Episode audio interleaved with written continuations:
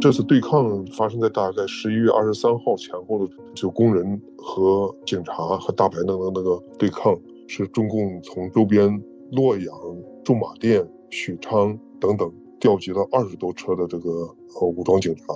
河南这几十年来最大的一次民众同中共的一个冲突，其实我我当时是确实是我在祈祷，希望是我的孩子能够是度过每一次风控。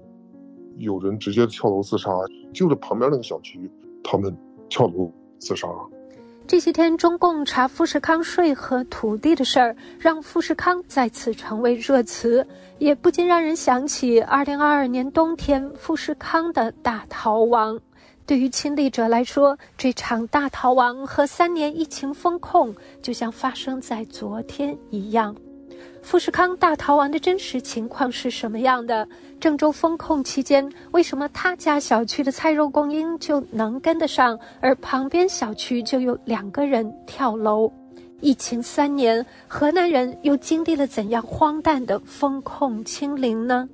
我是子涵，欢迎您收听希望之声的看点播客。这期节目，我们采访到了一位刚来到美国不久、来自河南郑州的朋友。先问您一下，您是怎么了解到富士康大逃亡的这些情况的？您当时是在现场吗？我住的地方距离富士康大概是二十公里。富士康有一个厂区是很大的一个厂区，是在航空港区。我住的地方大概离这个位置有二十公里左右。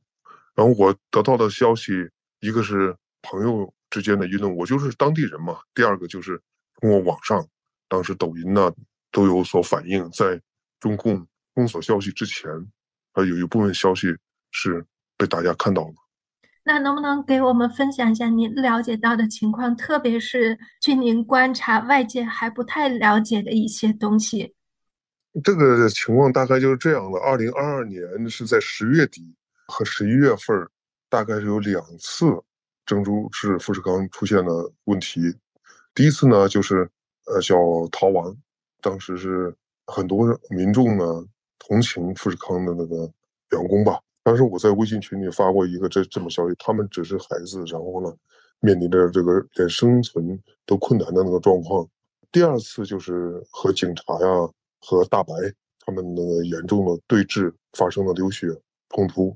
嗯，我看到当时一些视频是场面非常混乱，然后有的工人就是被中共的警察给殴打了。甚至躺到地上，当时是看到有有的镜头是不会动的，但这些视频很宝贵的视频我没能够保存下来，因为我们是当地人，然后就是有当时是富士康那个事件，我们也非常关注，有有很多是个人拍摄的，出中国的海关的什么我我都删掉了。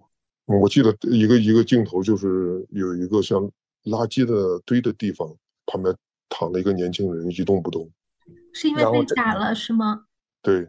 被中共的警察，这次对抗发生在大概十一月二十三号前后的这这次对抗，就工人和警察和大白等等那个对抗，是中共从周边洛阳、驻马店、许昌等等调集了二十多车的这个呃武装警察。这件事情被称为这个河南这几十年来最大的一次民众同中共的一个冲突。那我想，可能大家对第一次相对更清楚一点啊。那既然第一次已经让他们逃亡了，第二次怎么又出现了这个对抗了呢？第一次逃亡也是富士康的那个职工冲破大白，冲破中共的那个防疫疯狂的那那那个防疫封锁，很多人采采用翻墙啊等等非常规的手段逃亡的，并不是中共支持逃亡的。真正的当时那个状态，真正同情和支持的是民众，很多人在路边呢，给逃亡的这个富士康的员工准备的有食品，准备的有水，场面是很感人的。您当时有去他们逃亡的路上看吗？呃，很抱歉，我很想去，也很想支持一下，但是我是当时是被中共二零二二年两次。疯狂的这个防疫风控，在十月中旬和十一月底这段时间，我是被封在家里的。这是一次。另外一次大概就是五一期间那次封控，还有我本人经历的就是我个人的还有一次，说我是一个密接，并且是说已经是我当时一算的时间超过十四天了，但是工作人员说超过十四天也在隔离，很很荒诞吧？就是我个人经历了三次。那风控这块，我最后再多问您一些哈。那还是回到富士康这块，那第二次的这个冲突，能不能再给我们讲一下是怎么回事？这个事情呢，很多媒体报道的是叫富士康因为给这个，因为是第一次十月底还有十一月初大逃亡之后，富士康出现了劳动力的那个短缺，然后是中共政府紧急，简单的说类似抓壮丁。这种形式，呃，哄骗了一些人去富士康工作，后来是富士康给的待遇没有像当初承诺的那么好，这是媒体很多是有有这样的一些报道。我认为实际上情况是，本质上这两次事件本质上一个共同特点，媒体基本上不怎么提的一个特点就是，本质在于中共的疯狂的、不科学的、人为的叫动态清零政策，这个。是一种人祸，为什么是这样说呢？中共政府把这个事情矛盾甩锅给这个郭台铭，甩锅给富士康，说他管理什么不到位，导致了富士康什么什么矛盾激化。其实，我希望大家能够动动脑子想一想，如果这些事情不是发生在中共的那个疯狂的疫情防控政策下面，那么如果一个正常经营的企业富士康在在郑州能够稳定，能够正常开展经营。那么这些矛盾是不是就会没有了？那第二次发生冲突的情景，还有您知道的一些情况吗？当时我主要看到的朋友啊，或者是就网上发了一些视频，那些就是富士康的员工和大白还有警察之间的那个混乱的场面，然后甚至有的警察动用了这个防爆器械，包括这个催泪弹呐等等，一些富士康的员工用。灭火器进行一些反抗，但这些视频很快就被中共给和谐掉了。这是中共愚民的一个办法之一吧。很多这个发生的对中共不利、对中共的统治不利的这个资料，基本上都没有了。这些资料我们都经历的都很多。您说还有流血是吗？对，有人受伤，这是确定有人受伤，工人受伤。有的是工人被这个警察和大白打倒在地上，在挣扎，有这样的一个画面。当时场面人很多，因为警察也很多，大白也很多，工人也很多。当时我看到的那那个视频是这样的，当时那个视频是真实记录了中共如何对付富士康的员工。这个另外也有点呢，富士康这个企业是有特点的，因为富士康是过去河南省委引进的一个重点项目。重点企业，它是河南的一个纳税大户，郑州的一个纳税大户。曾经呢，航空港区在郑州市，它是唯一一个区，就是 GDP 超过一千亿的，其中就是富士康是有一个重要的贡献。中国官员呢有一个就是叫政绩，就是 GDP，是谁能够赚钱，然后谁能够就是升官。所以说，富士康这事件，中共政府也是。忙得焦头烂额。那您了解，就是当时像在富士康园区，他们的风控大概是个怎么样的情况吗？富士康第一次他们的员工大逃亡，其中原因之一就是在十月中旬出现了这个郑州爆发的那个疫情，导致我个人认为那不是疫情导致的，而是中共的疯狂的防疫政策导致的呢。富士康缺水。缺生活用品、缺粮食等等这些基本的生活得不到保障，包括说是阳性的和和阴性的这这个职工在一块儿生活，在一块儿住。那当时有爆出来一个说有一个宿舍，他八个员工所有人都死掉了，发现的时候尸体已经烂掉了。这个例子您当时有看到朋友圈有传出一些什么材料吗？我知道这个事情是这样的，就是一个宿舍是有八个，好像是都是女孩吧。然后是这个事情是抖音上当时是很多，但是很快就就被中共和谐掉了。因为我们也觉得很恐怖或者很同情，因因为去在富士康干活就二十来岁的年轻人，一个宿舍八个都死掉，就想知道为什么。然后是当地的一一个说法是，这几个人被封控到这个宿舍，然后就没人管，也不给他们提供任何医疗以及生活基本用品。您和在这个富士康园区工作的年轻人哈碰巧有过接触吗？没有，我是去过他们那个厂区附近，因因为工作关系，我经常去港区工作，我知道那个地方是很大的一个，大概就是我们这平常说的郑州航空港区富士康那个厂区，它大概占地一一百四十万左右平米，当时那个厂区的职工大概有十几万。他们那个厂区对当地的经济都是有影响的，因为他们可以在当地租房子呀，甚至是消费呀，对当地的这个经济都是有有帮助的。那河南人之前是怎么看这个富士康的？现在是怎么看的？怎么说呢？因为也过去一年多了，我当时就是我感觉是大家民众是同情富士康的。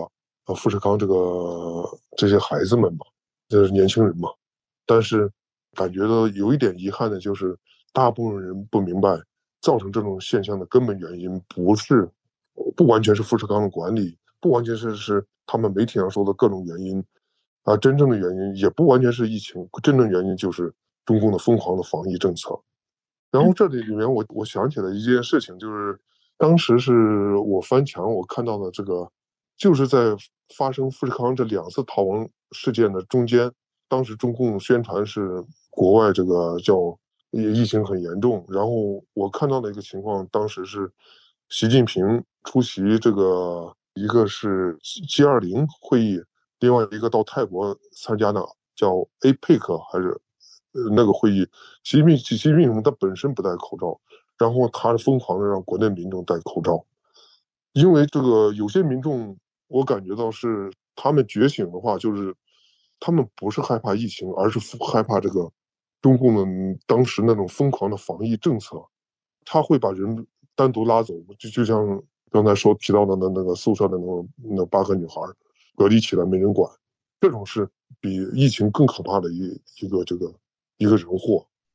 那您刚才提到您经历的三次风控，哈，只是三次吗？还是断断续续的，陆陆续续一直在有？我是指二零二二年，我就经我个人经历了政府对我的一次风控，还有两次是集体性的风控，整个郑州市甚至全国大范围内的一个风控。那先给我们讲一下十月底十十一月初那次，您是被封了多少天？那次其实是十月，我记得大概是十月十四号左右开始封控的，一直到白纸运动突然解封。有很多十一月十一月底，那就是封了一个半月呢。对，所以说很多老百姓在中国中共的愚民政策下，他们不知道为什么解解封，但是能够翻墙，能够看到真相，能够知道白纸运动，能够真实了解到乌鲁木齐火灾。烧死几十个人，真相的这民众，他们知道为什么解封。你那个时候自己在翻墙吗？是啊，因为我别的没有办法。当时是人连门都不让出，我我们那那边的风控的也是很疯狂的，门自己屋家的大门都不允许出。它是那种公寓的形式，自己家的大门都不允许出，然后呢，只能在家里待着。您是住在就是那种楼房是吧？对，apartment 的。您是住在几层？我是住在二层，所以我很理解乌鲁木齐火灾，我很理解中国大多数民众当时的心态，他们并不害怕疫情，而是害怕中共疯狂的防疫政策。乌鲁木齐那个火灾烧死了很多人，它本身不是疫情造成的，而是就是那个防疫政策。那您说的像您家大门都不能出去，就是您自己那个号，您家那号的那个门都不能出去，还不光是说单元门，还有小区门。对，我们那一栋楼是二十多户，不允许出自己的大门。大门怎么被封住的呢？它是贴了什么吗？是没有贴，然后他们通知是不允许出来，中共他那个统治也是很邪恶的，他并且他能够发动不知情的群众，说你出来的话，你可能就破坏了那个防疫政策。政府是为你好，你不要出来。你出来之后，你不仅对自己不好，可能还影响邻居。所以对于一些不知情的群众造成了的这个这种误解，就所以说他们就会群众之间互相监督，互相的呃，这这这个是很有趣的一个现象。中共的这个西皇帝都跑到这个国外，就疫情最严重的国外都不戴口罩，然后老百姓却在傻傻的自己家门都不敢出去。我我当时觉，我翻墙看到这些消息，我只能就觉得非常可笑，中国人民很可悲，中共是到底有多么邪恶，多么虚伪。所以，像当时你们邻居之间有在一个微信群上，然后看到有人推开门出来，然后有别的邻居举报，有看到这种吗？是有这样的一个矛盾，当时是是这样的，有邻居，然后是封了时间长，然后去楼顶的那个公共平台，就那那种 apartment 的，这个和美国的这个有点相似，在楼顶它可能有一些公共的区域，那就没什么人。他去那儿了，然后邻居的其他邻居的都会抗议，你这样乱走动，不在家居家隔离，会这个怎么增加这个传播的危危险性？我不知道怎么增加，都没人还增加危险性，只能说中共进行这这个愚民统治的一个成功吧。那像您当时敢在微信群上和这些您觉得就是被愚弄的老百姓啊，敢跟他们辩两句吗？啊，我不敢。因为我这个在微信上，我我我我从来不说这些政治问题，因为我本身我经历过有几次中共对我的政治迫害很严重，我我我在这里都不再详细说了。就是一旦是让中共抓住证据的话，那那都对自己在中国那那种高压的政治高压环境下，对自己非常不利。那你们当时封了一个半月，就是吃饭怎么办？吃饭是他规定的有特定时间你去。旁边的那个一家只能派一个人去买菜。我们那个院儿有点特殊，就是有一个菜店，它一面是可以对外卖，另一面它临时开了个窗口，可以给居民派一个人去去去采购。那那个时候是每天都可以有一个人出去吗？还是怎么样？大概是这样吧。那你们买的菜够吗？就它的供应怎么样？我们当时这个这个还可以，但不是所有的小区都都可以。我只能是客观的讲，我们那个还可以，但不是所有的小区都可以。这样呢，我如果供应它有时候供应菜品很很差，或者物价高的话，也会引起一些矛盾的。但这样的矛盾，凡是不利于中共统治的矛盾，都会被和谐掉。所以当时就是菜呀、肉啊这些供应还是跟得上。嗯，我我倒是当时就没有什么奢望，能够活着就就可以了。所以说我没有。嗯，去去去关心肉啊什么，就是买一些简单的，能够维持正常生活的。那比起疫情之前吃的还是很不一样，是吗？还是基本上差不多？那当然比疫情之前都要差。它那个一个价格高，另外一个就是它品种会少，因为是这个疫情防控政策导致的这个，这怎么说呢？就是对生活影响还是很大的，物流各方面，整个社会都受到严重的冲击。价格高了多少？您大概还记得吗？涨了应该是百分之几十吧。有没有印象中当时，嗯，就是想吃吃不到的东西，还记得吗？因为我个人生活比较简单，我倒是对这一块没有很很关注这个东西。那家里人呢？家里人，我当时最担心的就是我的孩子的那个奶粉。我的孩子因为比较小嘛，他们那样疯狂的防疫。已经违反了科学，已经不是为了治疗或者是防止疫情防控为目的去管理这个社会。我甚至给那个时代我叫做，我感觉应该是叫奴隶二点零时代，因为人每个人都拿着一个电子镣铐，就是那个那个二维码，你你只能是符合中共的规定，你才能去出去或者到哪个地方。这种情况下，造成了整个社会的一个极大的一个一个，包括物流啊，包括生活的一一个一个不正常。其实我很担心，就孩子奶粉，我我都提前买比较多一些，我就防止哪天被关到那个家里的时候，然后孩子离不开奶粉，那时候给孩子造成很大影响。那个时候您的小 baby 刚刚出生不久，是不是？我的孩子是二零一九年五月份出生的，那么在他搞疯狂防疫的时候，我开始我的孩子也就几个月大，那时候，哎呀，那那个那个经历，我我我想想，我我真的是都都是很很心情就是非常焦虑和紧张的，就是我我因为防疫之后会经常被关到家里，不允许出来，尤其可能您也听说过。这个在全国呀，在中国大陆全国，甚至在一些大城市，由于疯狂的防疫，孕妇甚至在有的人在医院门口死掉，或者有的在家里死掉，这种这种事情，我当时我特别担心我的孩子，就是在封控的时候，他万一发烧，万一他有病，那那那个我不敢想象，因为中共那种防疫，他不是为了治病救人，他就为了整人，或者我我理解说是奴隶二点零时代。您的小孩这三年中生过病吗？怎么办的呢？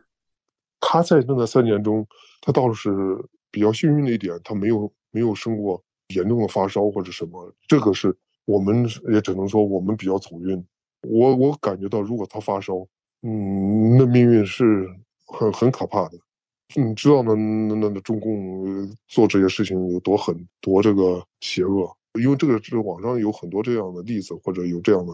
就是我，我当时是，确实是我在祈祷，我在祈祷是上帝，希望是我的孩子能够是度过每一次风控，他起码起码不要发烧，尤其不要发高烧，否则孩子孩子命运我都我无法想象。那他的奶粉就是幸好您之前储备的比较多，还没有断过。对，我做了充分的准备，我的孩子还比较幸运。没有经历这些苦难，但是我我想，在中国那种大环境下，不是所有的孩子都这么幸运。那我插一句哈，就是您的小区这个菜的供应相对还好一些，是不是和您的这个工作单位其实是稍微有一点特殊，还是有一点关系？呃，您说的很好，这和这个是有有一定关系的。那我知道这块您不方便多说。对，因为我们的住的那有那个厅长。厅长在郑州市，在中国相当于市长那个级别，这是属于中共的那那些高官在那住，所以说我我们这些普通老百姓，咱打个引号，就是边上那些中共高官的那个托托他的福了吧？明白。那您和其他的家人亲人，就是有经历过生病，或者您了解到其他的人有生病啊，或者死去啊这样的情况吗？有个事情就是，我举个例子，我不知道网上后来是报道的多不多，就是在我们的呃风控防控期间，病是一方面，另外有有人直接跳楼自杀，就是有个小区，我们的房子在某一个小区，就是旁边那个小区，有的住户在这个疯狂的防疫政策下，呃，由于经济啊生活的压力，他们跳楼自杀，当时应该是在抖音呢。朋友圈都有这个事情的一些报道，但我估计是后面的很快都消失了。郑州市发生了多起，就是那那三年自杀呀，经济原因也好，生病也好，归根结底都是那个防疫政策造成的一种人祸。中国呀，我我感觉到是想想说一句话，就是中国那个土地富饶而美丽，很多时候它并不是天灾能造成多大损失。而是那个那个人祸，尤其中共统治这七十来年，感觉人祸更多了。还记得当时您和家人看到自杀的消息出来的时候，你们是什么心情吗？嗯，就是心情是也是沉重的，也同情，可以理解这这些人。我觉得就是富士康事件也好，这个跳楼自杀的这两个人也好，他本质上都是。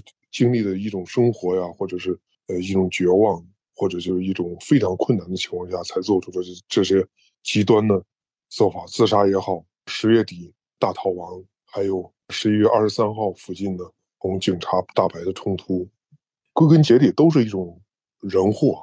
本来这些事情都可以不发生的。像您和家人，你们绝望过吗？嗯，我是为了孩子。为了这个家庭，我必须坚强。这也是为什么后来您选择离开中国的一个原因，是不是疫情三年？是的，你说的很好，这个就是我经历的这些事情或者这些痛苦，我看到的是这个这个非常可怕的这这这个现象，或者是是一种独裁导致的这这个种种人祸，这几十年来太多了。这个河南是可以说一个灾难深重的一一个一个地方，基本上都是很多情况下不是天灾造成的，而就是这种人祸，比如七五八那个大水淹死了很多人，几十万人，河南七五八嘛。然后呢，包括近期的那个那个呃七二零七二零那个那个那个大水死了很多人，那那这个也是人祸，政府不作为嘛。那您二零二二年经历的三次封控，那像还有一次您是自己因为密接被关了十几天，这块您还有什么想补充的吗？这个很很荒诞，然后就是这个事情，我要是一讲的话，有有个什么问题呢？那可能都知道我我是谁了。这个以后再找机会再聊。嗯，那整个关于疫情清零风控的情况，您还有什么想补充的吗？就是这个怎么说呢？外界现在很多人知道的，就是中共那种说一套做一套，不利于他统治的那种事情都屏蔽掉了。这个是大家都知道，不知道的可能就是个例。个例是他这件事情隐瞒，那件事情隐瞒。这个事情张三知道，他瞒瞒李四；那是事情李四知道，他瞒瞒张三。大概就这种情况。就在二零二二年十月份到十一月底白纸革命这个期间。为什么大家害怕这个防疫政策？至少我们是非常害怕防疫政策，不害怕这个疫情，而是更害怕这个防疫政策。这是我看到的，就是在在城市里面，路边、马路边，这是我看到的、亲眼看到的，就是帐篷。在天寒地冻的时候，天寒地冻的时候，这些所谓的这个密接者，所谓的这个次密接者。他给拉到这个叫帐篷里单独隔离，天寒地冻，您可以想象，一住一个月甚至两个月，这种对人这种一种摧残或者一种折磨，我认为都构成了迫害。这个情况我联想到那个新疆，对新疆人的那那那个迫害，冰天雪地，外面下着大雪，新疆人可能更惨，然后是把新疆人强制关到帐篷，在帐篷里生活。可能没住过帐篷的人不知道那个的有多痛苦，在那个帐篷里居住，他那个一一个薄薄的那个床板，有的是甚至很简单的木木板条，它很冷，外头下着雪，你你就盖身上盖几层被子，但是下头都是凉的，觉都睡不着或者睡不好，这样的长达一个月甚至两个月甚至几个月的折磨，人有时候就垮掉了，或者就是病倒，或者精神可能都受不了，更何况用水呀。用电呐等等，这些基本的生活条件都没有，在郑州市就发生了那种情况。那后来其实河南领先全国，它是先放开了，但是放开之后又被批评了，又封了。这块儿大概是这样吗？您了解吗？大致知道一些，就是当时好像是有一个叫二十条吧，是是中央搞了一个二十条，然后呢，大概是说这一块要放松一些，但是后来是。大家有一个说法，就是习近平对这个放开不满意，后来可能就就是根据他的意思，整个国家都围围绕着西皇帝转嘛。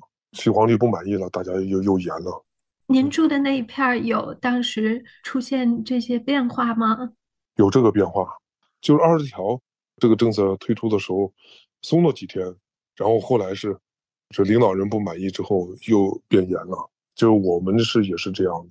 然后重新再进入这个扫码登记，这这才能出小区，是一家只能出去一个等等这种这种政策的一个不稳定这个过程。那后来又变严了，最终到什么时候才彻底的松开了？感谢白纸革命，就是白纸革命，然后呢，乌鲁木齐死了二十多人之后，当然中共说的不是二十多人吧？中共应该只是说几个人。中共告诉我们的。死的人不多，并且是这些人自己不出来，着火了自己不知道出来，是这样的，而不是告诉真实情况是门都被钉死了，这咋出来？就是是我被乌鲁木齐那个被烧死，然后因因为这个事情引发了那个，呃，上海，上海的那个那个那个新疆路吧，嗯，爆发了白纸革命，白纸革命甚至在全国多个城市爆发了白纸革命，然后已经是提出了不同于六四的一个口号，就是共产党下台，习近平下台。这个事情，我觉得是这个事情出事件出来之后，然后全国突然就放开了。那我们也知道，放开之后，中国也是经历了一批，就是大量的死亡的情况。那在您生活的周围，您有碰到这样的情况吗？您了解吗？嗯，我我们本身就是经历者。这个放开之后，有一个什么特点呢？中共能够集中大量的人力物力去生产检测核酸的那那那个物资，包括。开发这个程序来监控，来给民众带上电子镣铐，但是放开的时候我们买不到药，很多这个市民就是买不到这个退烧药，连基本的药品都没有。我们就是经历了那那个发高烧，我我烧到四十一度，然后找不到药，政府也不提供任何帮助，然后我们是通过朋友了解到。某某医院有这个药，然后排队排了七八个小时，最后是去两次才买到了一些紧急退烧药。您当时烧了几天？大概三四天吧，是全家人都有这个这个发烧这种症状。当时烧到四十一度有没有药的时候，还记得自己心里是怎么想的吗？